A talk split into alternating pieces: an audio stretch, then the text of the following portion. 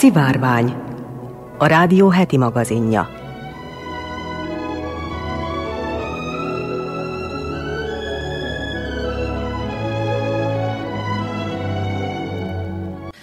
Köszöntöm a szivárvány hallgatóit, Molnár Eleonóra vagyok, színes magazin műsorunk szerkesztője. Műsorunkban ma hallhatnak arról, hogy új teleszkóp rendszerrel egy millió soha nem látott galaxist tettek térképre a csillagászok. Elmondjuk azt is, hogy egy rejtélyes dolgot találtak a Marson, le is fotózták, ami bejárta a netten a világot. Szólunk a sri lankai csillagkapuról, ami a tudósokat is zavarba ejti. Témánk lesz az amerikai elnök, aki hadat üzent a brokkolinak. Először figyelték meg, hogy mi játszódik le az emberi agyban a halál beálltakor, erről a kutatásról is szólunk. A híres magyar nők sorozatunkban a Lomb Kató nyelvzseniről hallhatnak. A vajdasági épített örökségünk sorozatban meg a becsei várról tudhatnak meg többet Link Lajostól az Aracs 95 nevű polgárok egyesületének elnökétől. Az ügyeletes csapat nevében jóvételt és kellemes időtöltést kívánok.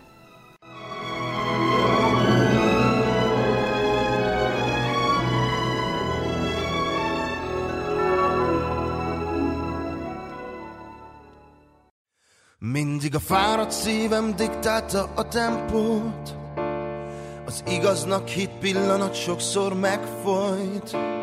A valóság már messze tőlem Egy rémálom, ahova becsöngettem És sajnos egyből nyitva állt az ajtó. És ő tárt karokkal várt És nem vettem észre Hogy az arc mit nézek nem látszik a tükörbe. Démon ki most megtámadott És a fülembe sugott egy dallamot Ami azóta is elkísér a széllel Fújhat akárhová Csak kívánj minden jót az úton. És ég veled Kéne még egy barát Akinek fáj még ugyanúgy minden Mint én nekem. Keserű magány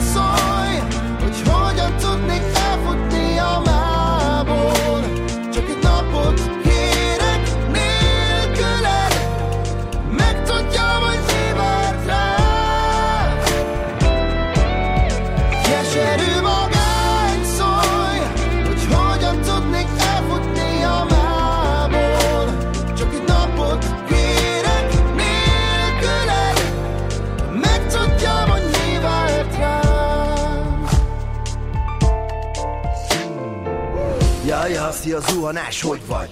Ja, ja, még a szavam is megfagy Egyedül a sötétben vártam, de hallom. Nélkülem is jó megvagy Józanság egy távoli emlék. Mire a búcsú magam is mennék?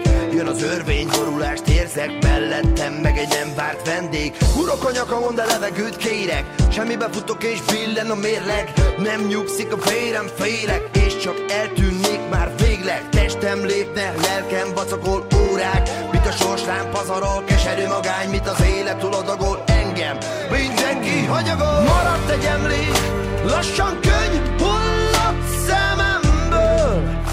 Ég veled. Szám nem szól, nincs több mentség. A múltból fut még a jelemből. Ég velem. Keserű magány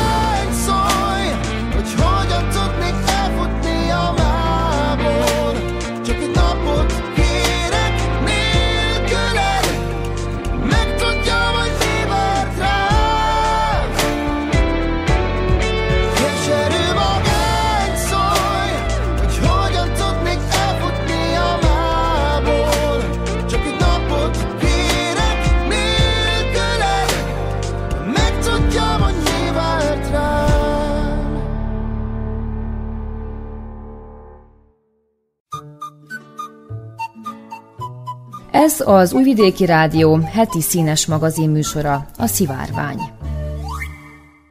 Egy millió korábban soha nem látott galaxist tettek térképre nemrég a csillagászok. Az északi félteke égboltjának negyedét feltérképezték a LOFAR teleszkópjainak segítségével. az összesen 1,4 millió galaxis adatbázisát bárki használhatja. A páneurópai LOFAR Low Frequency Array rendszer teleszkópjainak segítségével 7 évig gyűjtötte az adatokat a távoli galaxisokról egy nemzetközi kutatócsapat, akik többek között a Leiden és a Durham Egyetem csillagászai közül kerültek ki. Az eddig rendszerezett listát a kutatók most mindenki számára elérhetővé tették, így bárki hozzáférhet az összesen 4.396.228 rádióforrásból származó katalógushoz. A publikált térkép az északi félteke égboltjának 27%-át fedi le, és összesen 4,4 millió galaxist tartalmaz, aminek egy részét, 1 millió galaxist korábban még semmilyen teleszkóppal nem figyeltek meg. A többi objektum is részben új felfedezésnek számít, mivel rádióhullám tartományban nem detektálták őket eddig. A lofár működtetéséért felelős Holland Rádiócsillagászati Intézet az Astron leírása szerint a térkép elkészítéséhez több Európa különböző országaiban található nagy teljesítményű számítógépet állítottak szolgálatba, amelyeken a legújabb algoritmusokkal végezték a számításokat és az adatfeldolgozást. Összesen 3451 órányi megfigyelésből származó anyagot fésültek át, amely 7,6 petabájtnyi tárhelyet foglalt a gépeken. A képeken látható objektumok jelentős része sok milliárd fényév távolságban helyezkedik el a Földtől, és főként olyan galaxisokat jeleznek, amelyek nagyméretű fekete lyukat is tartalmaznak. Emellett olyan csillagok is találhatóak a térképen, amelyek még a gyors növekedési fázisban vannak, és megfigyelhető néhány összeütköző galaxis csoport is. Az Astron tudósa Timothy Shimwell elmondása szerint a most publikált adatok a teljes felmérésnek csak 27%-át teszik ki, de így is segíthetnek megválaszolni olyan fontos kérdéseket, mint például hogyan alakulnak ki a legnagyobb struktúrák az univerzumban, hogyan keletkeznek a fekete lyukak, vagy milyen fizikai szabályok alakítják a távoli galaxisok csillagainak formálódását. A LOFAR teleszkópjaival már korábban is készültek egyedülálló felvételek az univerzum különleges objektumairól, például az eddig felfedezett legnagyobb galaxisról, a jövőben pedig a kutatók az északi félteket teljes égboltjának feltérképezésére vállalkoznak.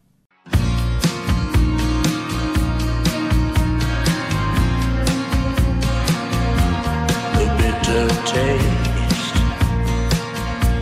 Oh, my tongue.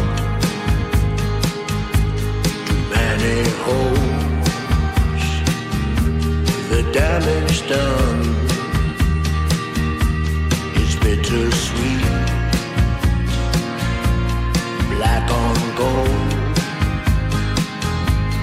Talk is cheap, or so I'm told. I'm gonna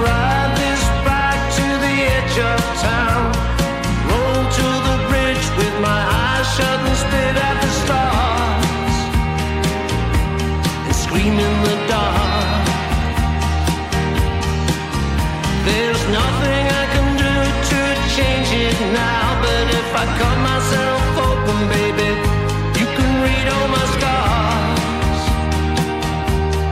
Read all my scars.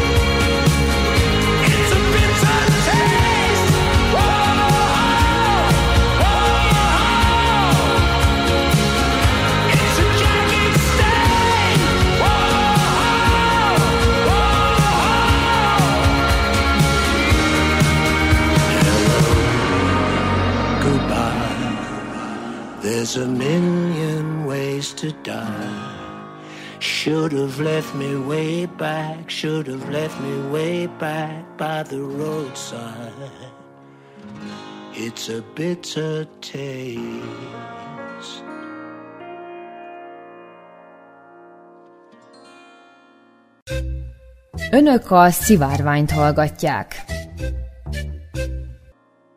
Rejtélyes dolgot találtak a Marson, le is fotózták, a fotó bejárta a netten a világot.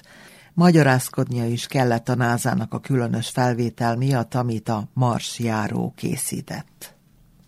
A Perseverance marsjáró már egy éve végez kutatásokat a vörös bolygón, mivel a NASA tudósainak rengeteg kérdésük van a titokzatos égitesttel kapcsolatban. Egyebek között az is a célja az expedíciónak, hogy kiderüljön, van-e, illetve volt-e valaha élet a Marson.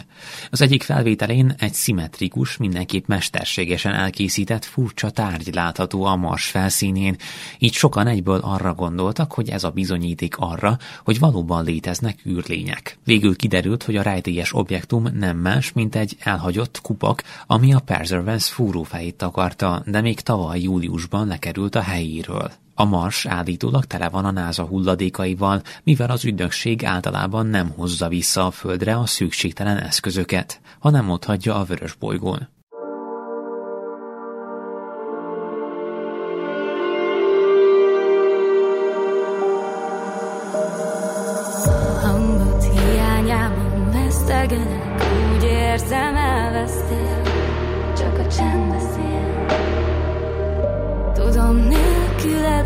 Nem válhatnék teljes emberé, újra gyermekké.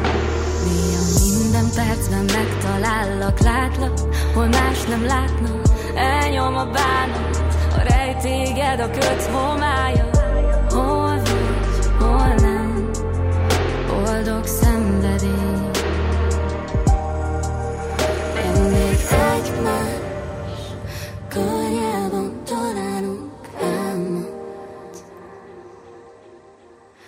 Szél És elfújja a felhőt, mi átjázott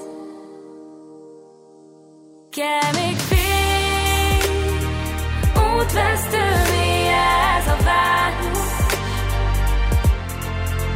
Légy az enyém És őzzük el örökre a káosz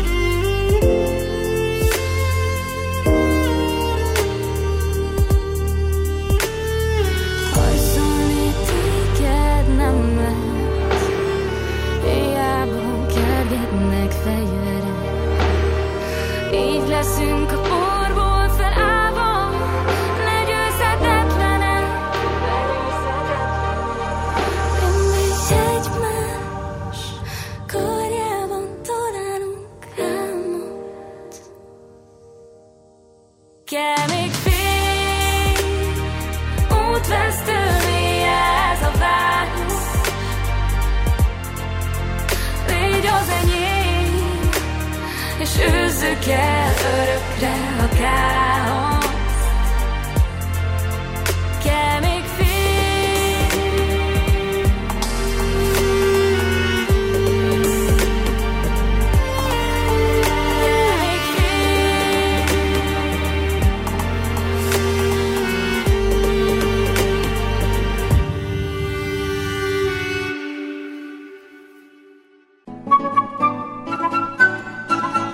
Ez a Szivárvány, heti színes magazinműsorunk. A tudósokat is zavarba ejti a sri lankai csillagkapu, a Ranmasu Ujana. Úgy tartják, az univerzumba visz. A rejtélyes szikla titkait a mai napig fejtegetik. A távoli Sri Lankán fekszik a Szentváros Anuradhapura. ahol egy rendkívül misztikus sziklavésés található, melynek pontos funkciója a mai napig talányt jelent a kutatók számára. A csillagkapuként emlegetett vésést titokzatossága révén sokan társítják túlvilági hiedelmekkel, és földön kívüliek létezésére utaló jelként is azonosítják azt, ám az ilyesfajta magyarázatoknál jóval reálisabb is létezik. A sehol nem említett rejtélyes sziklavésés helye a város egyik különleges területe a Ranmasu Ujana, azaz az Aranyhal Park, egy óriási közpark, melyet buddhista templomok tarkítanak.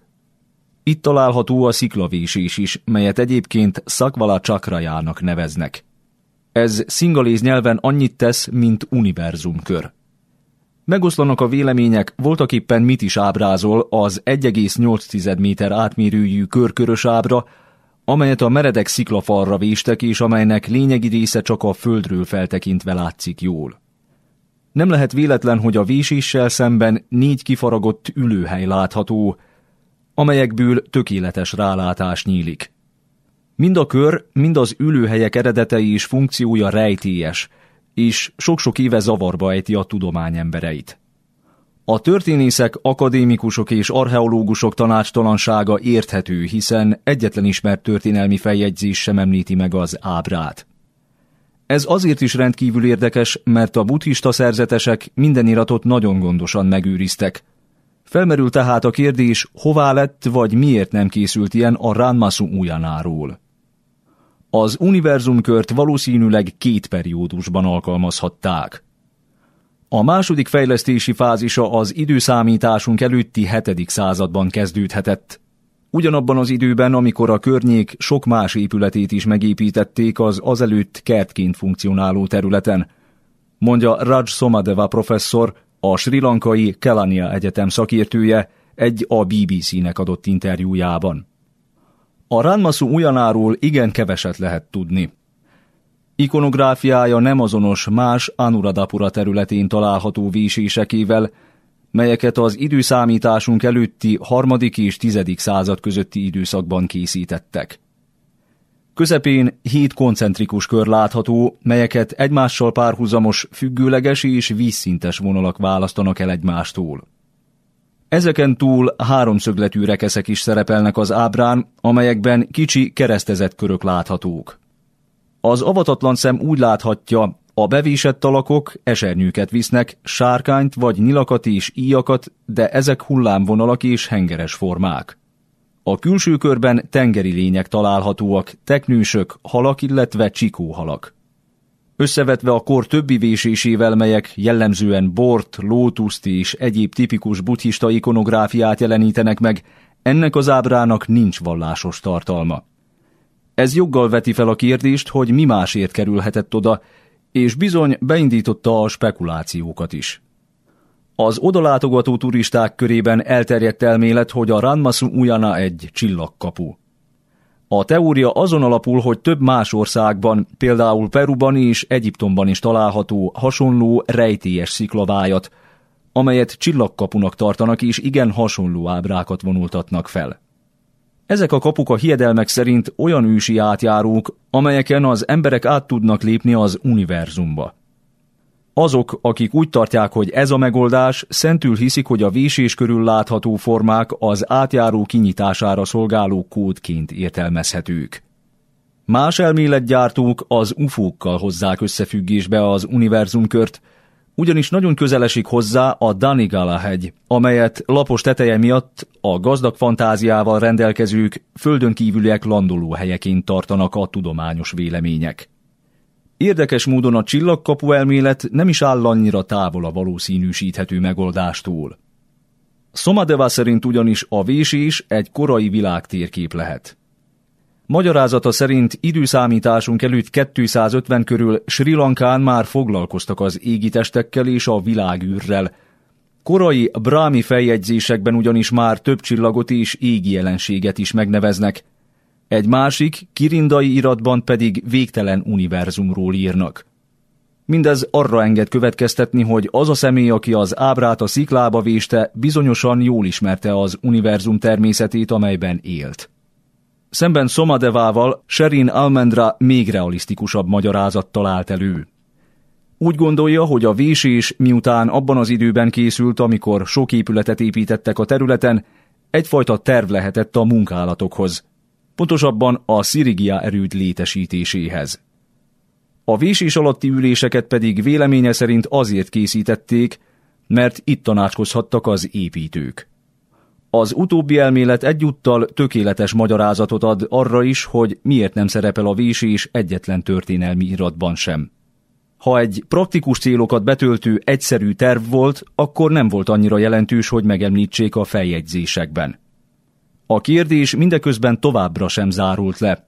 Noha vannak laikusi és szakértői elgondolások is, továbbra sincs arra megdönthetetlen bizonyíték, hogy kinek van igaza, és végtére is mire szolgált a rejtélyes vésés.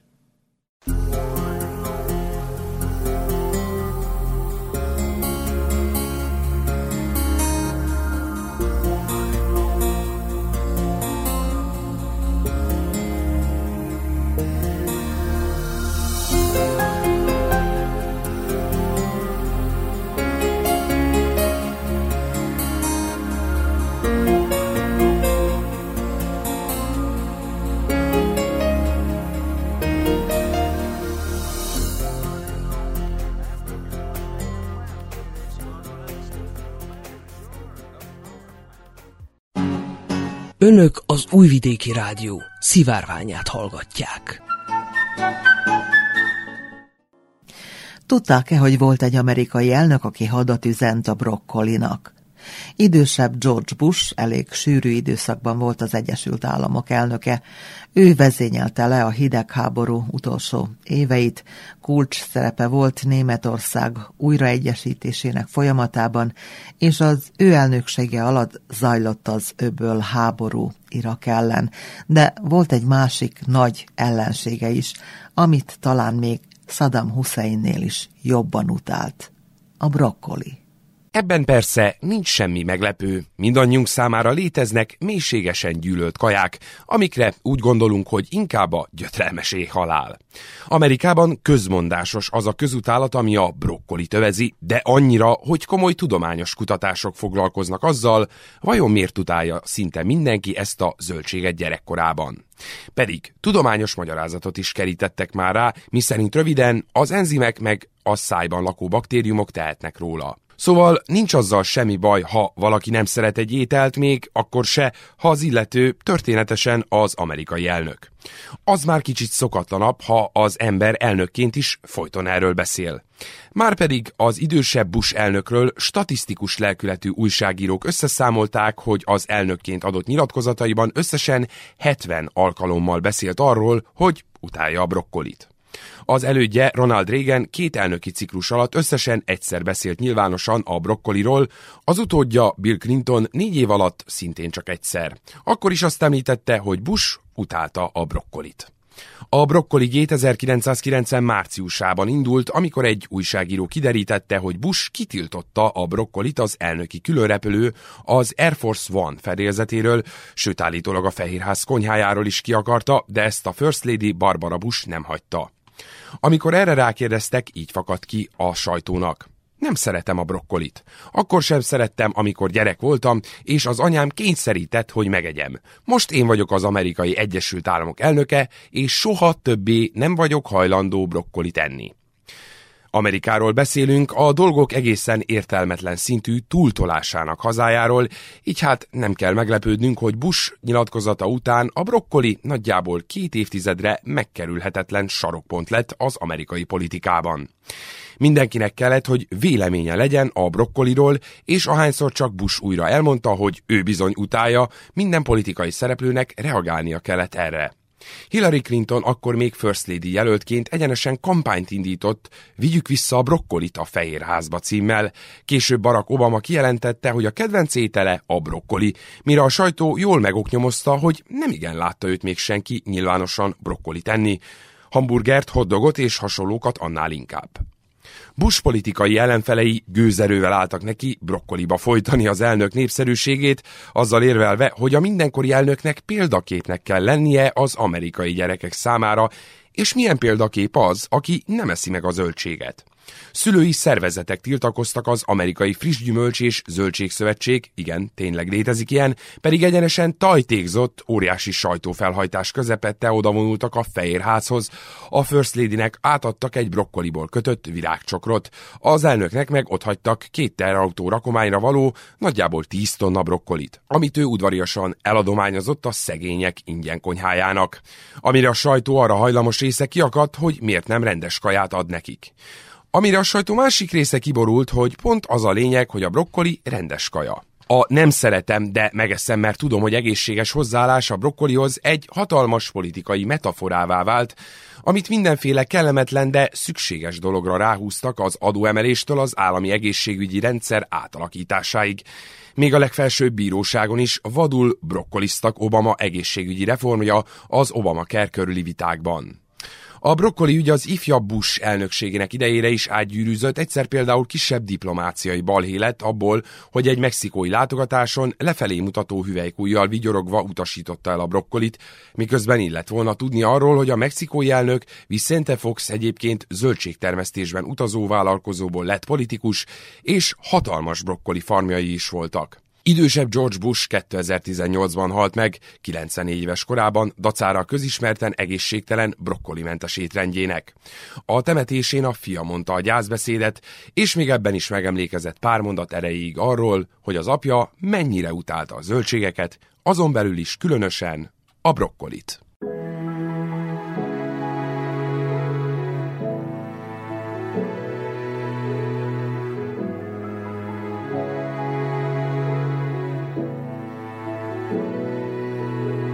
Van a szívemben egy zenekar, amit csak egy gyerek füle hall. Így maradhatok fiatal, szól a lélegző dal. Diszidálnék innen a földről, ha a jelzés érkezne föntről. Van a szívemben egy zenekar, amit nem enged a hivatal, de már nem érdekel, mit akar. Szól a lélegző dal, diszidálnék innen a földről, ha a jelzés érkezne föntről. Hogyha megered a szivatar, ami nagy felhőt hajt, az a nap, amit ma kitakar, még újból süt majd. Mikor magam előtt nagy a fal, vagy messze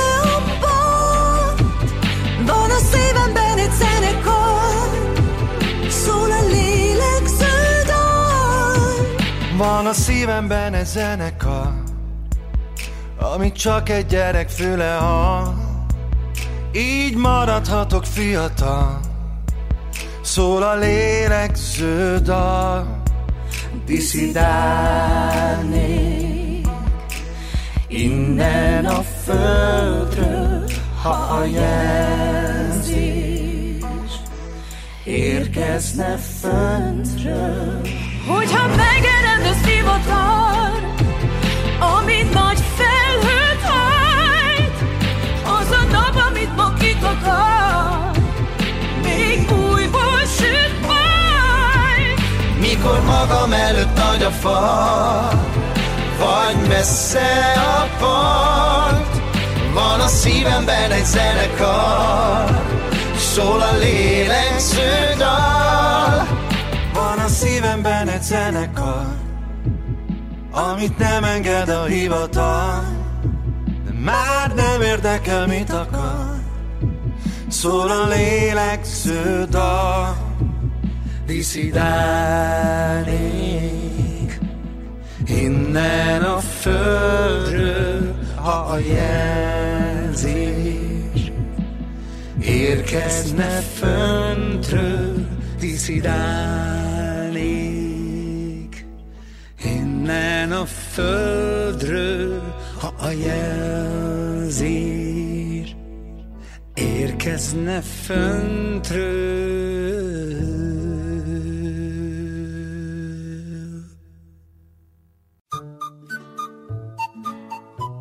Ez az Újvidéki Rádió heti színes magazin műsora, a Szivárvány.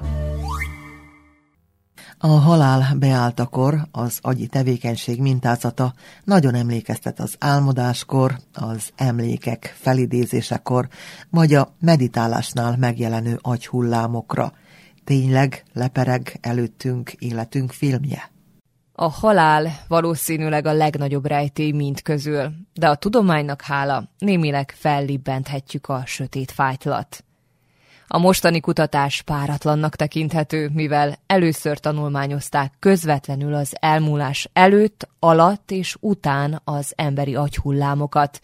Adatokat gyűjthettek a paciens szívverésének leállása előtti és utáni 30 másodpercekről.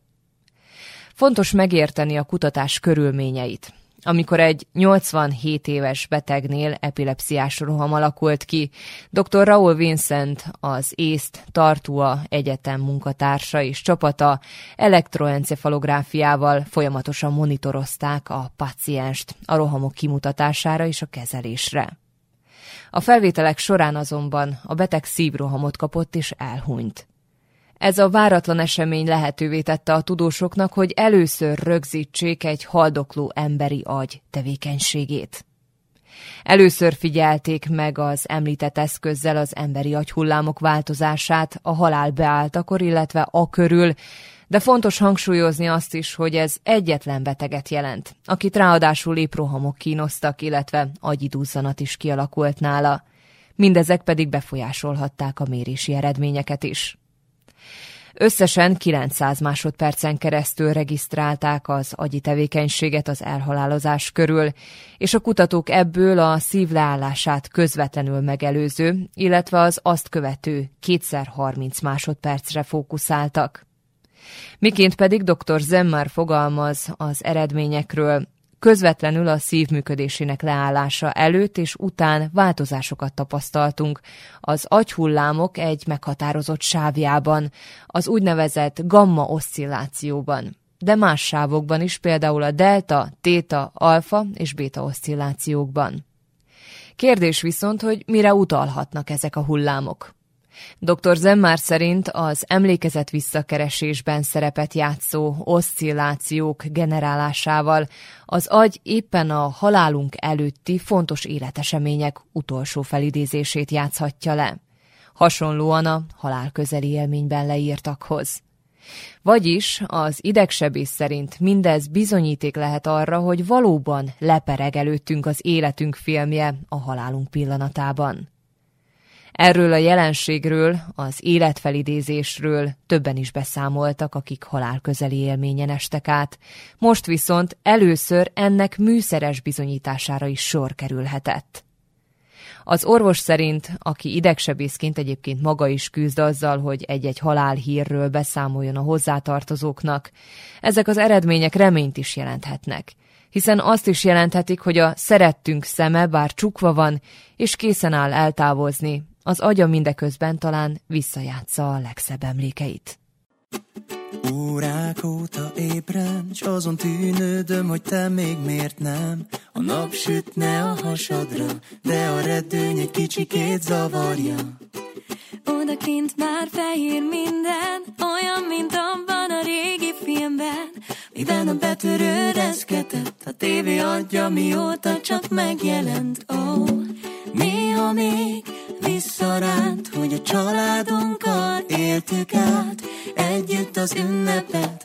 Ez gyerekként csak is így lehet, ó, de felnövünk, s változunk, mi már kettőtől számolunk.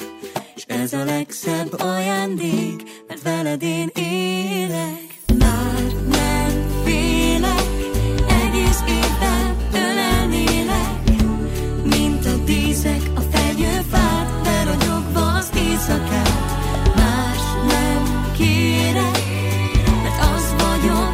amit érzek.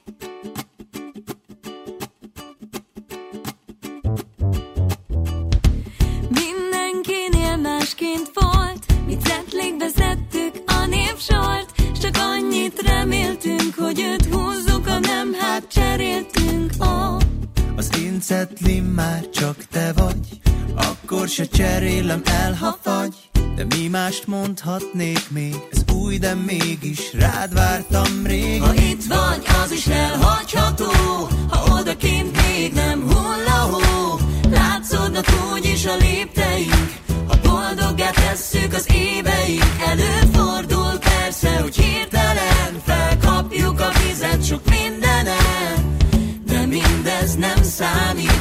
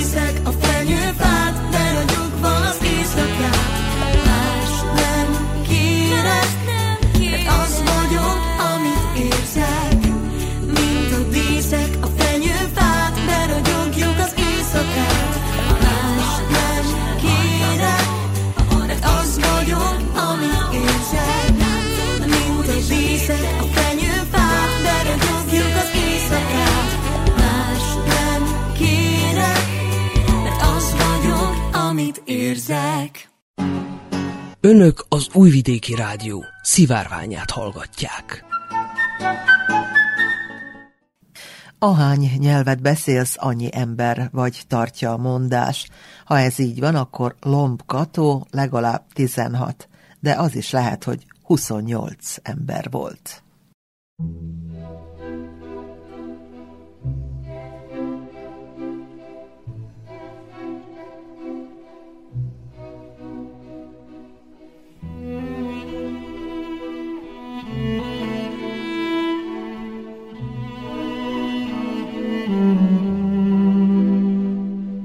Ötven elszánt magyar nő. Fodor Marcsi és Neset Adrien könyvéből.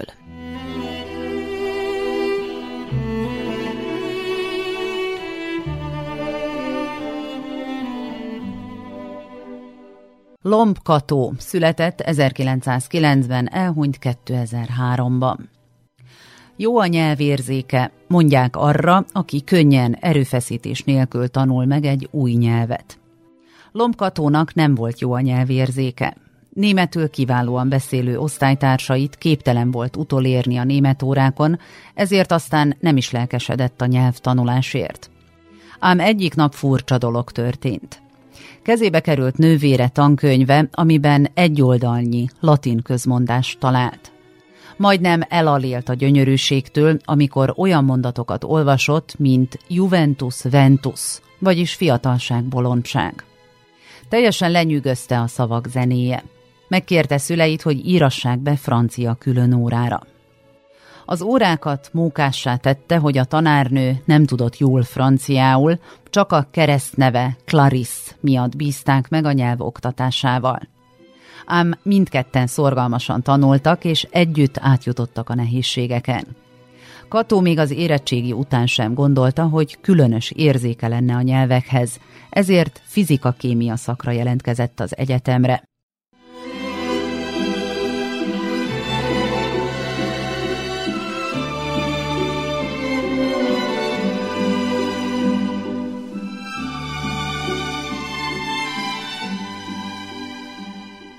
Az 1930-as években nagy volt a munkanélküliség, még az egyetemi diploma sem volt elég ahhoz, hogy valaki munkát találjon. Kató azonban nem keseredett el. Amikor kiderült, hogy sem a fizikával, sem a kémiával nem tud elhelyezkedni, úgy döntött, nyelvet fog tanítani. Igen ám, de melyiket? A latin iránt nem volt érdeklődés, francia nyelvtanárból pedig több volt, mint amennyien tanulni szerettek volna. Kató rádöbbent, egyedül az angol nyelv tanításából tudna megélni, mert angolul sokan szeretnének tanulni. Csak volt egy kis gond, nem tudott angolul. de ez nem szekte kedvét. Fogott egy angol regényt, és neki látott a munkának. Egy hónap múlva már értette a szöveget, és két hónap kellett ahhoz, hogy a nyelv szépségét is felfedezze. Amikor elkezdett angol tanítani, egy-két leckével jár csak a tanítványai előtt. A lelkesedése azonban elfette a hiányosságokat. Már javában dúlt a második világháború, amikor Lombkató egy antikváriumban rábukkant egy orosz-angol szótárra. Ott helyben eldöntötte, hogy oroszul is megtanul. Először ezt a szótárt böngészgette, majd egy orosz nyelven írt romantikus regény lett a nyelvkönyve. Mire megkezdődött Budapest ostroma, már komolyabb olvasmányokkal is megbírkózott. A városlakók a bombák elől óvóhelyekre húzódtak. Kató az itt töltött órákat, napokat tanulásra használta. Abban a pillanatban, amikor a budapesti városháza felszabadult, orosz tolmácsnak jelentkezett. Lombkató úgy gondolta, hogy a nyelvtanulás nem tehetség, hanem akarat és kemény munka kérdése. Mindig azt mondta, hogy bárki képes arra, amire ő, ha igazán akarja is, rászánja az időt. Nem szabad félni a megszólalástól, és attól sem, hogy esetleg kinevetnek. Ő maga nem kedvelte a nyelvkönyveket, unta a bennük található szövegeket és az erőltetett párbeszédeket. Inkább fogott egy idegen nyelven írt regényt, legjobban a szerelmes és detektív történeteket szerette, és addig boncolgatta a szavakat, a mondatokat, amíg rá nem jött, hogy mit jelentenek.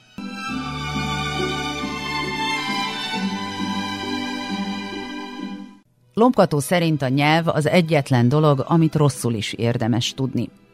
Ő maga úgy mondta, hogy 16 nyelven tud pénzt keresni. Angolul, oroszul, franciául és németül úgy beszélt, mint magyarul. Ha olasz, spanyol, japán, kínai vagy lengyel nyelven kellett tolmácsolnia, akkor készülnie kellett egy kicsit. Svéd, norvég, román, portugál, holland, bolgár és cseh nyelvekről fordított. Latinul, szlovákul és ukránul értette az írott szót. Saját bevallása szerint összesen 28 nyelvhez konyított valamicskét. Utolsó éveiben még belefogott az ivritbe is. Ő volt az egyik első szinkron tolmács a világon. Mint tudjuk, a fordító írott szövegeket, a tolmács élőbeszédet fordít. A szinkron tolmácsolás a szakma csúcsa, mert a beszélővel egy időben kell a célnyelvre fordítani. Rengeteg tudást és felkészülést igényel.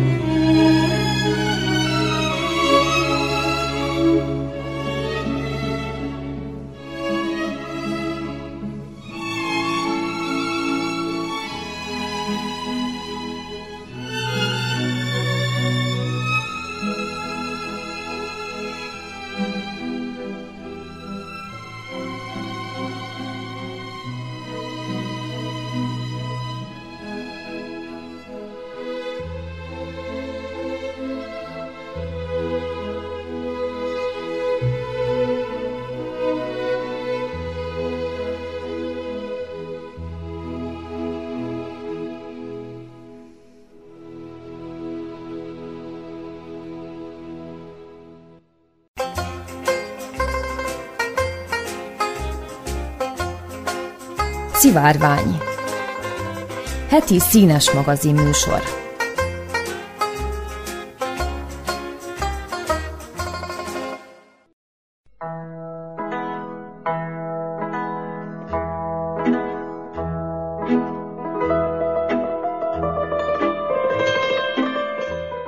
Vajdaság kuriózumai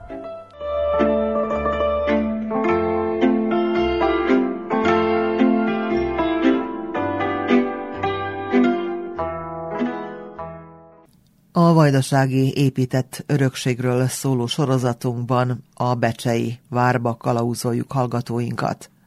Múlt év szeptemberében állították fel a felújított fakeresztet a Becsei várnál, amelyet a műemlék védelmi ásatások miatt távolítottak el. 470 éve, szeptember 19-én foglalták el a török hadak a várat és környékét, ennek emlékére állítottak keresztet 2004-ben, mondja Link Lajos, az Aracs 95 nevű polgárok egyesületének elnöke. Becsevárára annyit kell tudni, hogy az első írásos alapok 1091-ben említődnek meg először a pápai tized Lajstromban, mint létező erődítmény. Az eredeti neve hasznos vára volt bizonyos írások alapján, de később átnevezik becsének, vagyis párhuzamosan említődnek ezek az adatok. A várnak magába olyan nagy jelentősége volt erre a régióra, hogy Torontál vármegye központja képpen szerepel, míg a vár volt valójában az erődítmény, addig az Aracs, mint település, ott tartották a megyegyűléseket 1551-ig. És hát így egy lapon e- lehet említeni az Aracsot és a Becsevárát is, mivel hogy a Becsevára az egy vízi erődítmény volt, és hát ott igazán egy település, főleg olyan középkori település, mint az Aracsnál lehetetlen volt kialakítani, ezért a két hely magába egy egységet képezett a középkorban. A vár az valójában az Árpádkori vár erődítményeknek a Tisza menti erődítmény képpen az egyetlen olyan vár, ami kőből épült. Tölgyfa cölöpökre a tarcarú hozott kövekből és Árpádkori pólyás építési stílussal épült, és magában a, az erődítmény a vízi utaknak és a szárazföldi utaknak a fölügyeletét szolgálta, mivel hogy itt a Várná, vagy a Törökbecséné, későbbiekben a Rév, azelőtt gázló volt, és hát itt húzódott az út magába Aracs, Temesvár és Szentföld felé vezető zarándokoknak az útja. Második András nagykirályunk, aki kialakította a szárazföldi utat is, mellőtte ugye Velencéből vagy Itáliából indultak a hajók, későbbiekben szárazföldi zarándok útvonalak is kilöttek alakítva, és hát mondhatnánk, hogy köröztös lovagok is védték ezeket az erődítményeket. 1551. szeptember 19-én érkezik először a török Becsevárához, és hát valójában Fügedi Gábor volt a várkapitány, és az utolsókig védték a várat. Mondhatnánk, hogy még a nagybecskereki várat egy éjszaka alatt átadták a szerb zsoldosok a törököknek, a Becse várat viszont több próbálkozás útján sem tudták elfoglalni, így hát egy cselle foglalták el, hogy kihívták Fügedi Gábort tárgyalásra, és hát mind, ahogy említődik, hogy miután megitta a fekete levest, így hát a, a, a török kávét, így hát utána a törökök cselle elfoglalták a Becsevárát. Ezáltal kinyit a törököknek az út Temesvár irányába. Itt mondhatnánk, hogy abban az időben két jelentős csata volt, mind az Aracsnál, ami egy középkori település és a, a templom várrá lőttek a falai mögerősítve, templom várrá, de ottan igazán a várvédők gyorsan möghátráltak, mert Losonci István Temesvárró is későn érkezett meg a sereg, seregeivel. Így hát miután az Aracs és a Becse vára elvé, elvészött, így hát az út mondhatnánk Temesvár irányába ki is nyílt a, a, a török irányába. Ennek a várvédőknek és a csatának az emlékire Mondhatnánk, hogy ezek a várvédők igazán védték Európát, a körözténységet a török elő, és hát így ezáltal Európa számára jelentős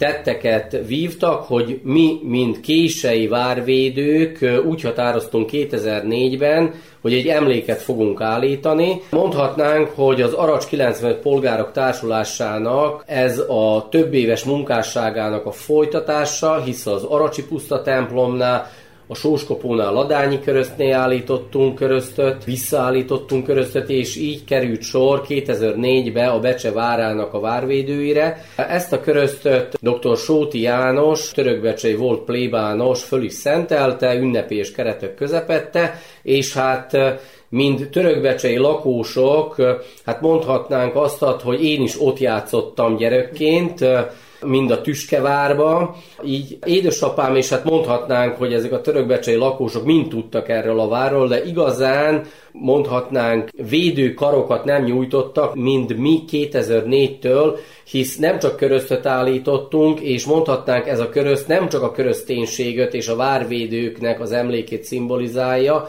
hanem az itt élő nemzetöknek a, az ide tartozását, hisz nem kell elfelejteni azt, hogy ez a vár több nemzetiségű volt, és hát itten szerb várvédők is voltak többek között, és más nemzetiségűek. A tavalyi évben elkezdődtek az ásatások a Becse váránál, és hát közös megegyezés alapján a törökbecsei önkormányzata, a, műemlékvéde, a Becskereki Műemlékvédelmi Hivatal, az Óbecsei Múzeummal ideiglenesen eltávolítottuk a köröztöt, hisz nem tudták bemérni pontosan a várnak a, az alapjait, hogy hol helyezkedik el, és hát úgy gondoltuk, hogy majd lehet, hogy az egyik várfalon helyezkedik el ez a körözt, és ugye nem alkalmas, hogy ott maradjon, de az utólagos fölmérések alapján megkaptuk azt a lehetőséget, hogy az eredeti helyére állítsuk vissza e- ezt a köröztöt, amit mondhatnánk, hogy immár két évtizede ott áll a Tisza partján, nem csak az itt élő lakósok, hanem az itten átutazó kishajósok, vagy a teherszállító hajók is dudálnak enni a köröztnél. Mondhatnánk, hogy most már ez egy táj jelleget vette föl maga értelmében, és üzenetként talán a mostani Európának is, miközben ugye a köröztöket távolítsák-e, mi két évtized után is, és mondhatnánk, hogy szinte 500 évre rá is, a körözt itt dominál a Becse várának egy mementóképpen, hogy itt voltunk, vagyunk és leszünk az utókornak is.